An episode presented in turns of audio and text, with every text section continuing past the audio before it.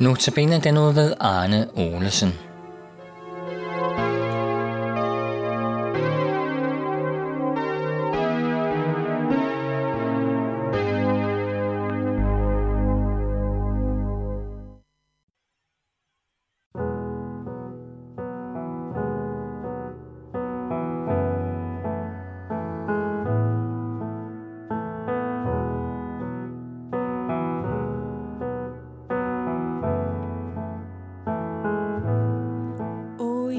Jesus, åbn du mit øje, at jeg må se, hvor rig jeg er.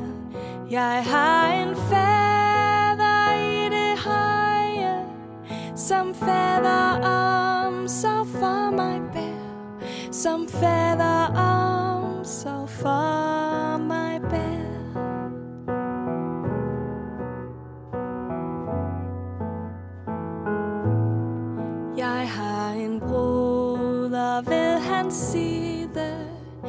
som altid beder godt for mig.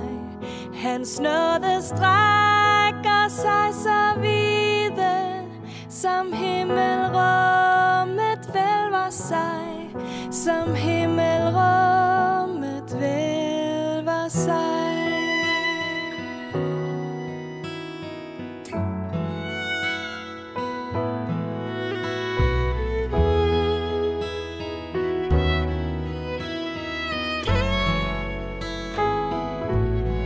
Jeg har et evighedens rige, hvis grundvold aldrig bæve kan.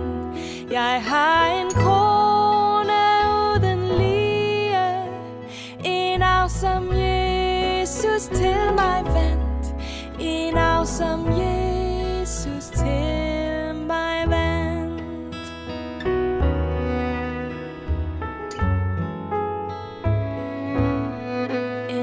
så arm. Jeg går hernede, jeg er en mægtig konges brud, men vantro spørger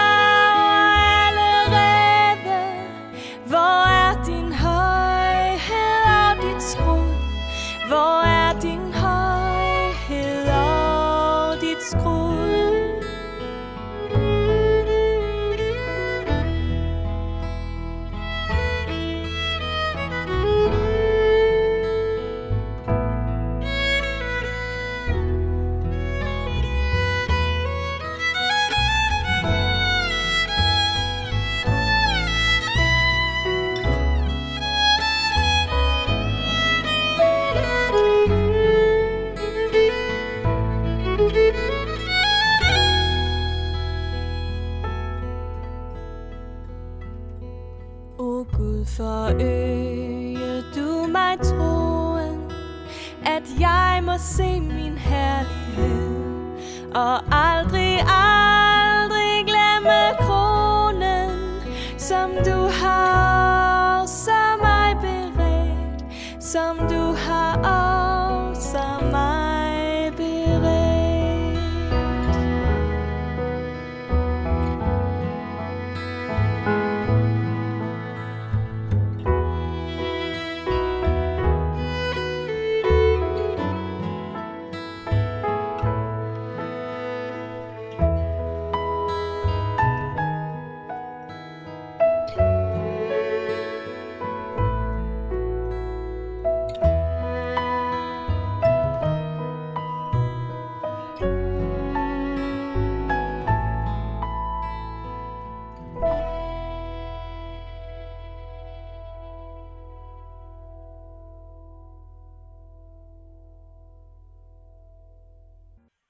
Velkommen til Notabene. Egentlig er det en mærkelig verden, vi lever i. Sådan siger vi nogle gange. Det gør vi jo i forbindelse med, når der sker et eller andet mærkeligt, vi ikke kan forstå eller begribe. Og det er jo ikke så sjældent, der sker noget, vi ikke kan forstå. Både i vores eget liv og i den verden, vi befinder os i. Der er krig og nød og død. Medierne fylder os med beretninger om, hvor forfærdeligt det hele ser ud. Er optagelser fra jordskælv og andre katastrofer, som via tv ender i vores stuer. Men også i vores egne liv er der hændelser, som vi ikke forstår og begriber. Sygdom, svigt, mangel på kærlighed og omsorg, Jo, det er nok at blive mismodig over. I Bibelen sidste bog, i kapitel 6 her i Johannes åbenbaring, der hører vi også om mange forfærdelige ting, der sker. Det er alt sammen som dom over den syndige og gamle jord, hvor mennesket ikke vil omvende sig og tage imod Guds kærlighed. Det fortsætter også i kapitlerne 8 og 9. Men det vi særligt skal lægge mærke til her, det er hvem der sætter tingene i gang, hvem der styrer. Vi hørte i går fra kapitel 5 om lammet, som alene var værdig til at åbne bogrullen, hvoraf blandt andet afslutningen på denne tids alder står beskrevet. Denne bogrulle var og er besejlet, står der. Men nu i kapitel 6 og følgende, der brydes disse forsejlinger, og indholdet kommer til udtryk.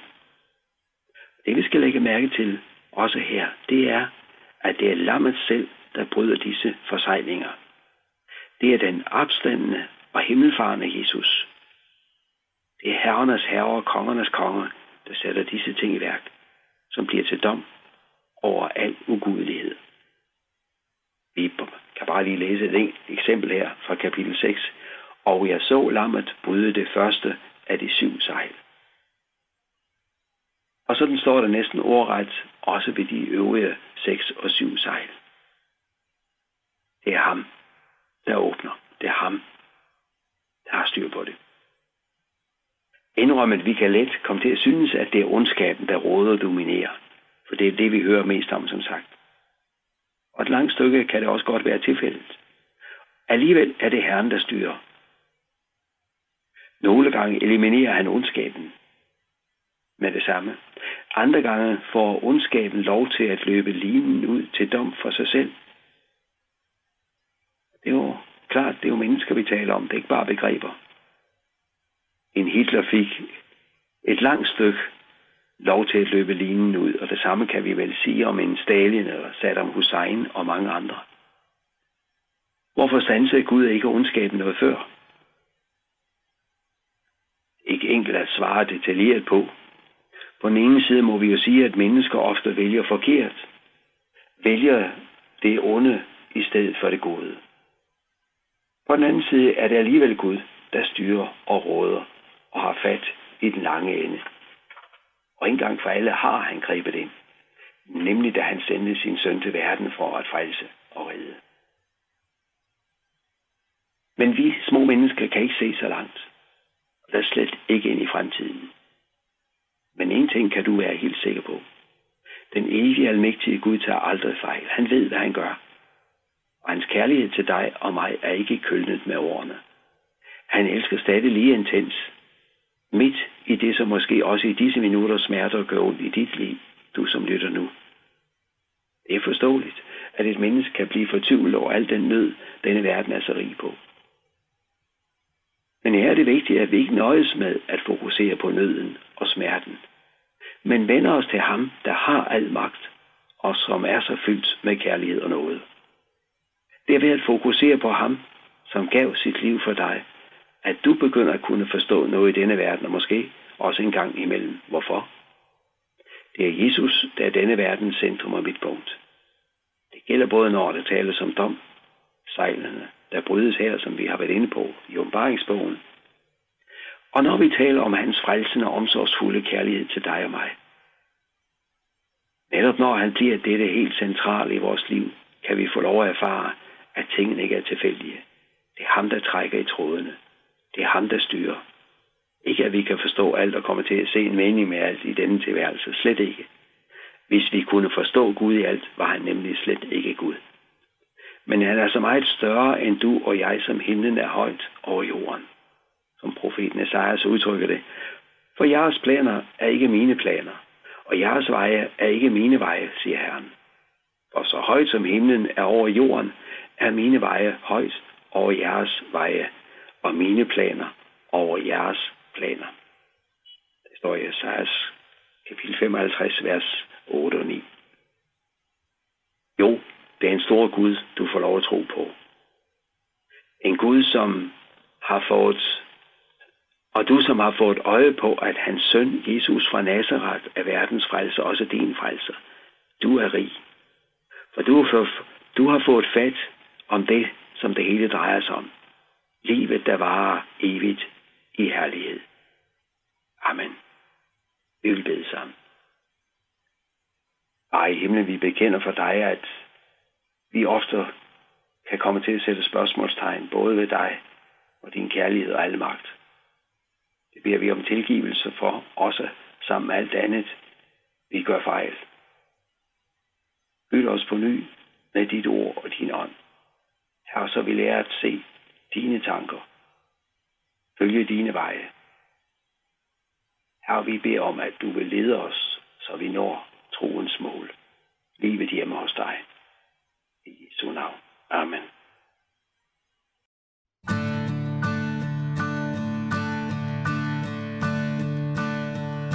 Hil dig, frelser og forsoner.